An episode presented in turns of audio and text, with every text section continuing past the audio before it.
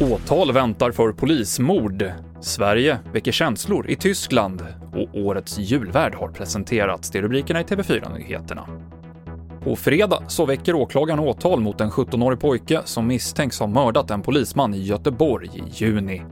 Polismannen sköts ihjäl när han stod och pratade med några personer i stadsdelen Biskopsgården och polisen har gjort bedömningen att skotten inte var riktade mot polismannen och att själva skjutningen är kopplad till en gängkonflikt.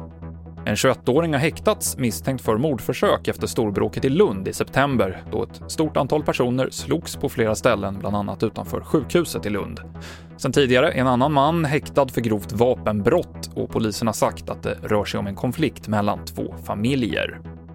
Sverige är Europas farligaste land, det skriver den tyska tidningen Bild i en artikel och man syftar framförallt på skjutvapenvåldet. Vår reporter i Tyskland, Jonas Källgren, säger att den här rapporteringen påverkar tyskars bild av Sverige. Anledningen till att det blir en stor artikel i bild är för att Sverige är alltid, alltid intressant här i Tyskland. Antingen så för man fram det som det mest fantastiska landet i världen där allting fungerar, eller för att det förstås säljer väldigt bra. Så säger man, jaha, Sverige som vi trodde var det bästa landet i världen, är nu det värsta landet i världen. Och där går inget rätt och allt går fel och det är något sorts helvete på jorden. Det säljer också väldigt bra. Så på det sättet så får man väldigt mycket rapportering om Sverige och det är lite schizofreni rapportering. Helt plötsligt är det så och sen helt plötsligt är det helt åt andra hållet.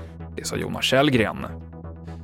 Kocken Tarek Taylor blir årets julvärd i SVT. Det avslöjades för en stund sedan. Tarek Taylor, som fick Kristallen för årets TV-personlighet i år, var favorit hos spelbolagen till att bli julvärd.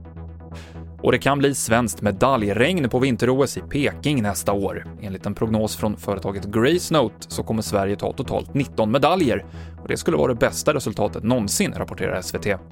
Prognosen baseras bland annat på resultat i världscuper och tidigare mästerskap. Mer nyheter finns i appen TV4 Nyheterna. Jag heter Mikael Klintevall.